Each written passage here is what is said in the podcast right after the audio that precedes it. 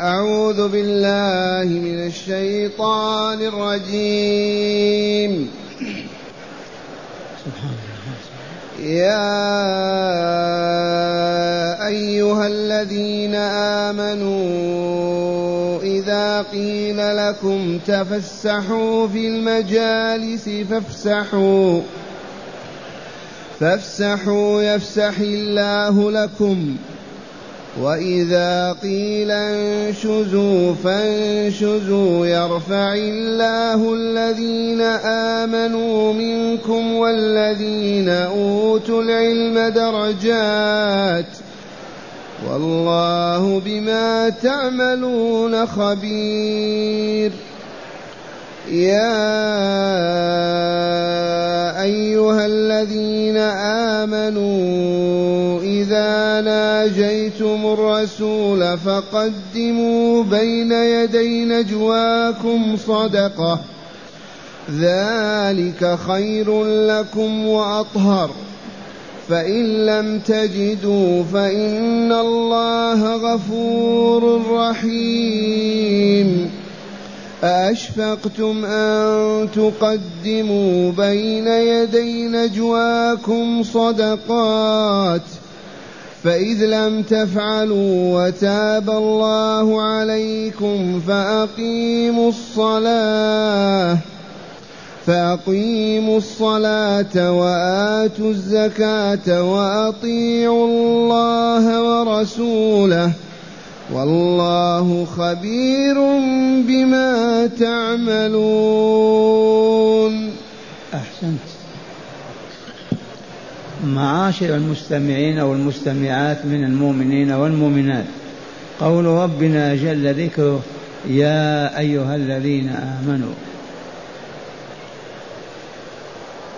هذا النداء الإلهي موجه إلى المؤمنين بالله ورسوله إلى المؤمنين بالله ولقائه المؤمنين بالله وكتابه المؤمن بالله ووعده وعيده هؤلاء المؤمنون أحياء فيناديهم ربهم وذلك لكمال حياتهم.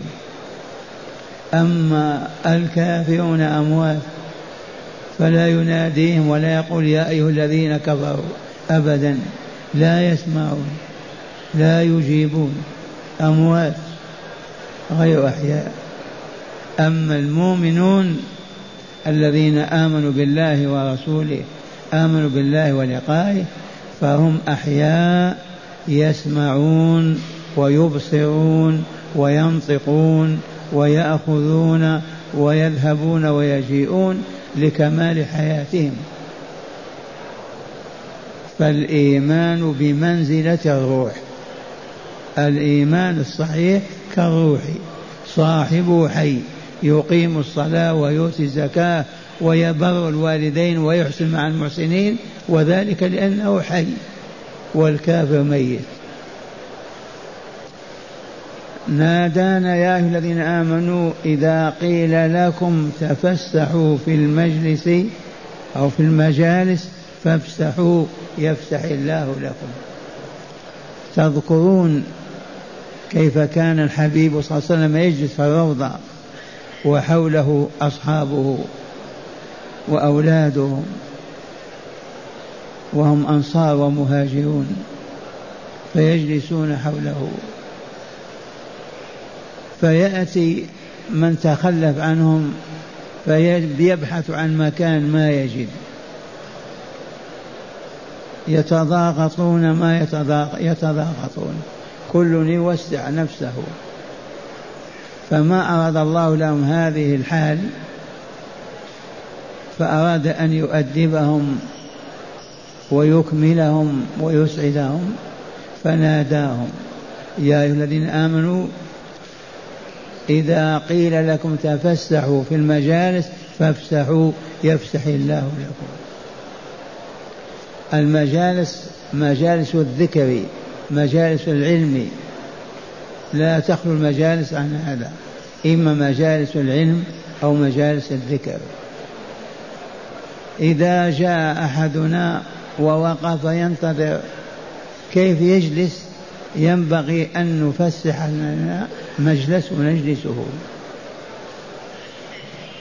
ها نحن الآن. جاء أحد متأخرا أراد أن يجلس فلنعمل على أن نجلسه معنا. نضم بعضنا إلى بعض حتى نترك له مجال يجلس فيه. إذ الآية نزلت وبعض الأصحاب واقفون ما جلسوا. والآخرون جالسون متربعون.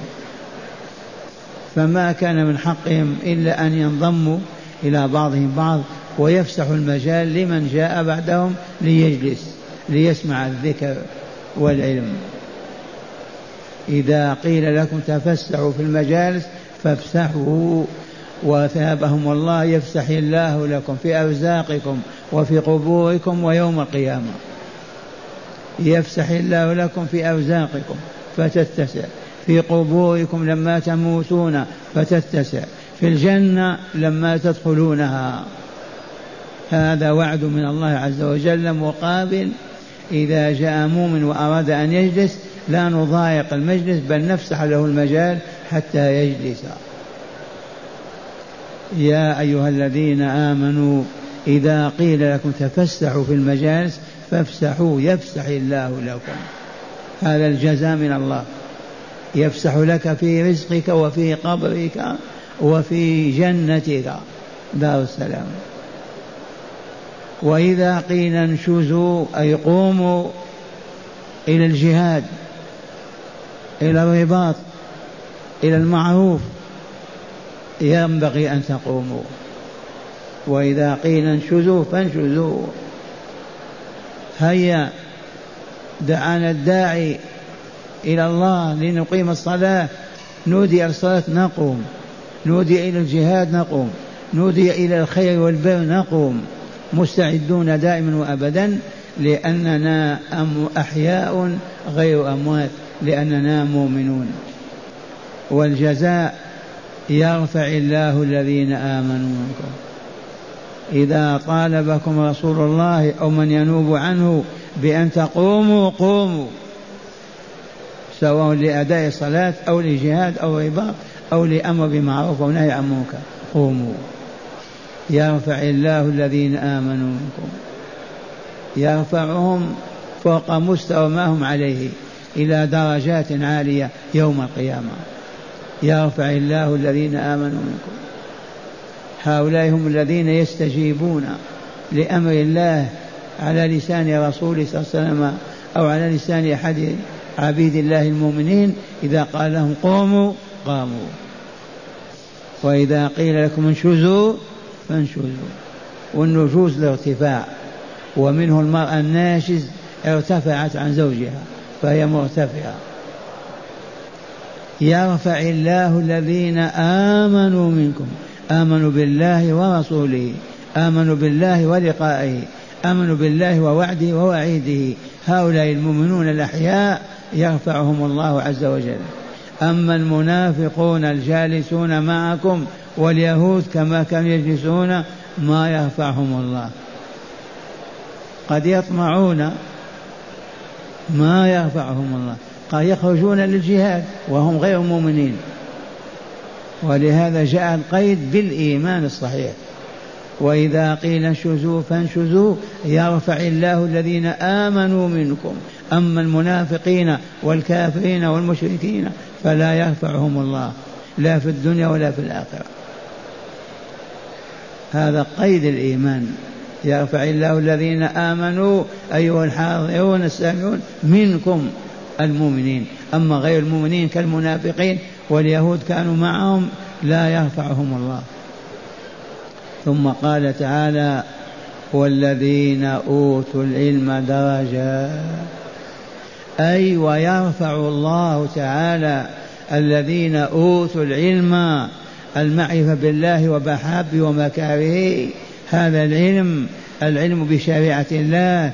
العلم بعبادة الله العلم بما حرم الله وبما أحل الله هذا العلم أهله درجات لا يصل إليها غيرهم. حتى قال صلى الله عليه وسلم فضل العالم على العابد كفضل القمر ليلة البدر على سائر الكواكب. ومن هنا ينبغي أن نطلب العلم.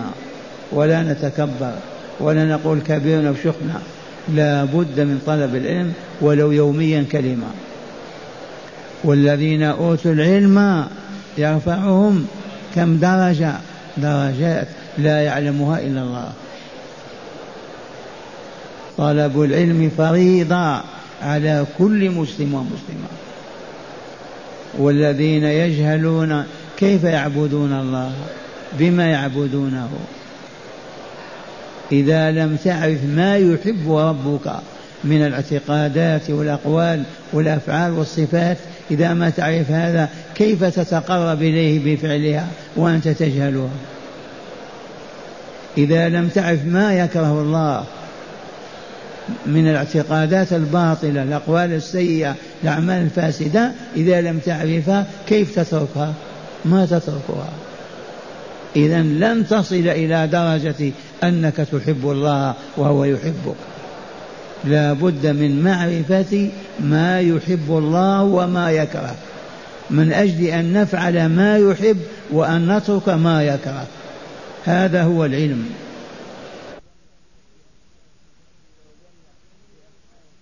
عز وجل بأسمائه وصفاته وجلاله وكماله ومعرفة ما يحبه من الاعتقادات والأقوال والأفعال والصفات والذوات لنحب ما يحب ومعرفة ما يكره الله من الاعتقادات الفاسدة والأقوال السيئة والأعمال الباطلة والصفات المذمومة حتى نتركها ونتجنبها ونبتعد عنها. وبذلك نفوز بحب الله ورضاه. من أراد أن يحبه الله فليحب ما يحب الله. إذا هكذا يؤدبهم ونحن والحمد لله معهم وكل مؤمن معنا. يا أيها الذين آمنوا إذا إذا قيل لكم تفسحوا في المجالس فافسحوا يفسح الله لكم. وإذا قيل انشزوا فانشزوا. يرفع الله الذين آمنوا منكم والذين أوتوا العلم درجات والذين أوتوا العلم درجات وهنا مجالس الذكر كمجالس الصلاة. هل يجوز لمؤمن يجد مؤمن جالس ليصلي يقول قوم يجلس مكانه؟ لن يكون هذا أبدا ولا يصح. اللهم إلا إذا كان لك مولى من الموالي تقول تقدم إلى المسجد واجلس لي في الصف الأول حتى إذا جئت أنا تقوم وأنت وأجلس أنا. كان الحسن البصري يفعل هذا مع خادمه مولاه. أما أن تقيم مؤمنا من مصلاه لتجلس أنت فيه لا والله لا يجوز. فقط حلق الذكر طلب العلم يجب أن نتضام ولا نبقي أحدنا واقف يسمع العلم وواقف ونحن جالسون لا بد وأن نتفسح له حتى يجلس ليسمع. وهكذا عاش أصحاب رسول الله وأولادهم وأحفادهم والمؤمنون الصالحون إلى اليوم يعملون بهذه الآية الكريمة. والذين أوتوا العلم درجات لا يعرف مداها إلا الله. هذه الدرجات في الجنة. ما بين الدرجة والدرجة كما بين السماء والسماء. إذا ثم قال تعالى في نداء ثاني ثم قال تعالى والله بما تعملون خبير. هذه الجملة المذيل بها الكلام هذه الذي تحمل المؤمنين على أن يستجيبوا وعلى أن يطيعوا. وعلى أن يمتثلوا أمر ربهم لأنهم علموا أن الله عليم بعملهم خبير بهم مطلع عليه. فلا تقول ممكن لا يراني الله أنا أجلس هنا أو أقوم. فلا بد من العلم بأن الله مطلع علينا عليم بأحوالنا الظاهرة والباطنة بل حتى ضمائرنا وما في صدورنا. والله بما تعملون خبير. فراقبوه اخشوه حاسبوا أنفسكم حتى لا تعصوا ربكم وينظر إليكم وأنتم عصاة مجرمون مبعدون عن الإسلام وأهله. ثم قال تعالى يا أيها الذين آمنوا إذا ناجيتم الرسول فقدموا بين يدي نجواكم صدقة. ذلكم خير لكم وأطهر. يا أيها الذين آمنوا إذا أردتم أن تناجوا رسول الله أي تختلوا به وتصاروا حديثكم في مكان خاص بكم قبل ما تفعلوا هذا تصدقوا بصدقة. هذه الآية الكريمة نزلت لأن الرسول تعب. ما يطيق كل واحد يريد أن يجلس مع الرسول ساعة. كيف يطيق؟ ما دخل حجرته حتى قرع الباب. نريد خلوة برسول الله صلى الله عليه وسلم. يتعب وما يتعب ما يطيق. فأراد الله أن يؤدبهم.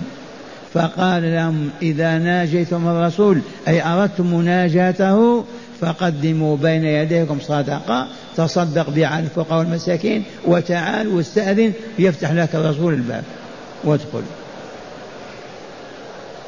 هنا تململوا علي بن أبي طالب الوحيد كان عنده دينار صرفوا على عشر دراهم وأخذ درهم وتصدق به وجاء وأذن له الرسول صلى الله عليه وسلم. وما هي إلا أن فهموا أنهم أتعبوا رسول الله آلموه حملوه ما لا يطيق. كل واحد يريد أن يجلس مع الرسول يتحمل هذا؟ ما يطيق أبدا. فلما عرفوا السر من ذلك كفوا وما أصبحوا يطالبون المناجاة مع رسول الله صلى الله عليه وسلم. يا أيها الذين آمنوا إذا ناجيتم الرسول أي إذا أردتم أن تناجوا فقدموا بين يدي نجواكم صدقة. قبل المسارة قدم صدقة وتفضل. ووفق الله عليا لهذه. ولهذا قال ابن عباس رضي الله عنهما علي أعطي ثلاث. لو أعطيت لخير من الدنيا وما فيها. الأولى تزوج بنت رسول الله صلى الله عليه وسلم. فاطمة. الثانية في بدر في الخيبر أعطاه الرسول اللواء. في خيبر. والثالثة هو أول من أطاع الله عز وجل وتصدق بصدقة ودخل على رسول وناجاه ثلاث خصال. فاز بهم عليه. رضي الله عنه. يا أيها الذين آمنوا إذا ناجيتم الرسول أي أردتم أن تناجوه. ما معنى تناجوه؟ تتكلمون معه سرا. المناجاة المصارة الحديث. فقدموا بين يدي نجواكم صدقة قبل ما تناجي تصدق وتفضل. لما نزلت الآية عرفوا أنهم يبعدون عن الرسول لأنهم أتعبوه آلموه ضيقوا عليه. ما يستطيع يتحمل هذا. وهو فرد بشر. إلا أن عليا سارع ونجح وكان أول من فعل هذا. ثم نسخ الله هذا فقال تعالى أشفقتم أخفتم أن تقدموا بين يدي نجواكم صدقة. لأن المرضى والمنافقين موجودين أيضا. أصابهم الخوف. أشفقتم أن تقدموا بين يدي نجواكم صدقة. ذلك خير لكم وأطهر. تقديم هذه الصدقة خير لكم وأطهر لقلوبكم. فإن لم تجدوا فإن الله فإذ لم تفعلوا وتاب الله عليكم. ما فعلوا لأنهم ما استطاعوا يدفعون الصدقات وهم أكثرهم فقراء إذا خافوا هابوا ما استطاعوا. وتاب الله عليكم بأن نسخ هذا الحكم. نسخه الله. وأذن لكل من أراد أن يناجي الرسول أن يناجيه. لكن عرفوا أن هذه المناجاة متعبة لرسول الله شاق عليه ما يطيقها فعرفوا هذا فابتعدوا. وتاب الله عليهم. فإن لم تفعلوا وتاب الله عليكم فأقيموا الصلاة وآتوا الزكاة وأطيعوا الله ورسوله. فيما يأمران وينهيان. يطاع الله في أوامره يطاع رسول في سننه. أطيعوا الله وأطيعوا رسوله. أقيموا الصلاة وآتوا الزكاة وأطيعوا الله ورسوله إن كنتم مؤمنين. أطيعوا الله ورسوله والله خبير بما تعملون. خبير بأعمالهم مطلع عليها فمن هنا ما يستطيع أحد آمن أن يعصي الله. والله ما يقدر. لو دفعته نفسه إلى معصية ما يستطيع. وهو يعلم أن الله مطلع عليه خبير بعمله مطلع عليه سرا كان أو علنا مع الناس أو منفردا. فأهل الإيمان ما يستطيعون معصية الله ما يقدرون عليها لأنهم أحياء غير أموات. ولأنهم بصر غير عميان ولأنهم موقنون أنهم بين يدي الله. أن من يستطيع منا أن يقوم الآن ويبول بيننا؟ يستطيع أحد؟ ونحن نشاهده معصية الله أبشع من هذا. كيف تقوم تشرب الخمر والله ينظر إليك؟ أو تزني والله ينظر إليك؟ أو تمد يدك بظلم لمؤمن والله ينظر إليك؟ كيف تقوى على هذا؟ فالمطلعون على ما هم عليه من الإيمان أحياء غير أموات ما يستطيعون أن يعصوا الله أبدا ولا أن يخرجوا عن طاعته. والله خبير بما تعملونه من خير أو شر. والله تعالى أسأل أن ينفعنا ويشرح صدورنا. والآن مع هداية الآيتين. بسم الله والحمد لله. والصلاة والسلام على خير خلق الله سيدنا ونبينا محمد وعلى آله وصحبه. من هداية هذه الآيات أولا الندب إلى فضيلة التوسع في مجالس العلم والتذكير. من هداية هذه الآيات استحباب توسيع المجالس مجالس الذكر والعلم لمن أراد أن يجلس فيها. لا نضايقه. من هداية هذه الآيات استحباب توسيع المجالس للمؤمنين مجالس العلم ومجالس الذكر. نعم. ثانيا الندب والترغيب في القيام بالمعروف وأداء الواجبات إذا دعي المؤمن إلى ذلك. من هداية الآيات استجابة النداء للأمر بالمعروف والنهي عن المنكر. لإقام الصلاة للعبادة من حيث هي الجهاد والرباط. إذا دعي المؤمنون باسم ولي العهد باسم ولي الأمر بسم الله يجب أن نقوم. وإذا, وإذا قيل لكم انشزوا فانجزوا يرفع الله الذين آمنوا منكم. وهكذا يؤدبهم تعالى ويحملهم على هذا الكمال. إذا قال الرسول قوموا قاموا. نعم. ثالثا فضيلة الإيمان وفضل العلم والعمل به. فضيلة الإيمان والعلم والعمل به. إيه نعم. الإيمان فوقه شيء. المؤمن كالحي وإلا لا والكافر كالميت وإلا لا. إذا كيف الفرق بين يعني كيف نسوي بين الحياة والموت؟ لا تسوية بينهما. المؤمن والله حي والكافر ميت. والعياذ بالله. ثم طلب العلم طلب العلم والرحل إليه والنزول بساحته ليل نهار كالعبادات بل هو أفضل من العبادات. قال الشيخ في النهر قيل لعمر رضي الله عنه في مولى استخلفه فقال إنه قارئ لكتاب الله وإنه عالم بالفرائض. أما إن نبيكم صلى الله عليه وسلم قد قال إن الله يرفع بهذا الكتاب أقواما ويضع به آخرين. وعن ابن عباس خير سليمان بين العلم والمال والملك فاختار العلم فأعطي المال والملك معه. عمر رضي الله عنه ولى والي في مكة وهذا الوالي ما هو حر. عبد فعابه بعض الغافلين فقال وليت لأنه يحفظ كتاب الله ويعلم الفرائض. انتبهتم؟ فدل هذا على فضل العلماء وعلو درجتهم. عمر بدل ما يولي شريف من الأشراف ولا عبد من العبيد فلما عيب عليه قيل ها قال هذا يحفظ كتاب الله ويعرف الفرائض.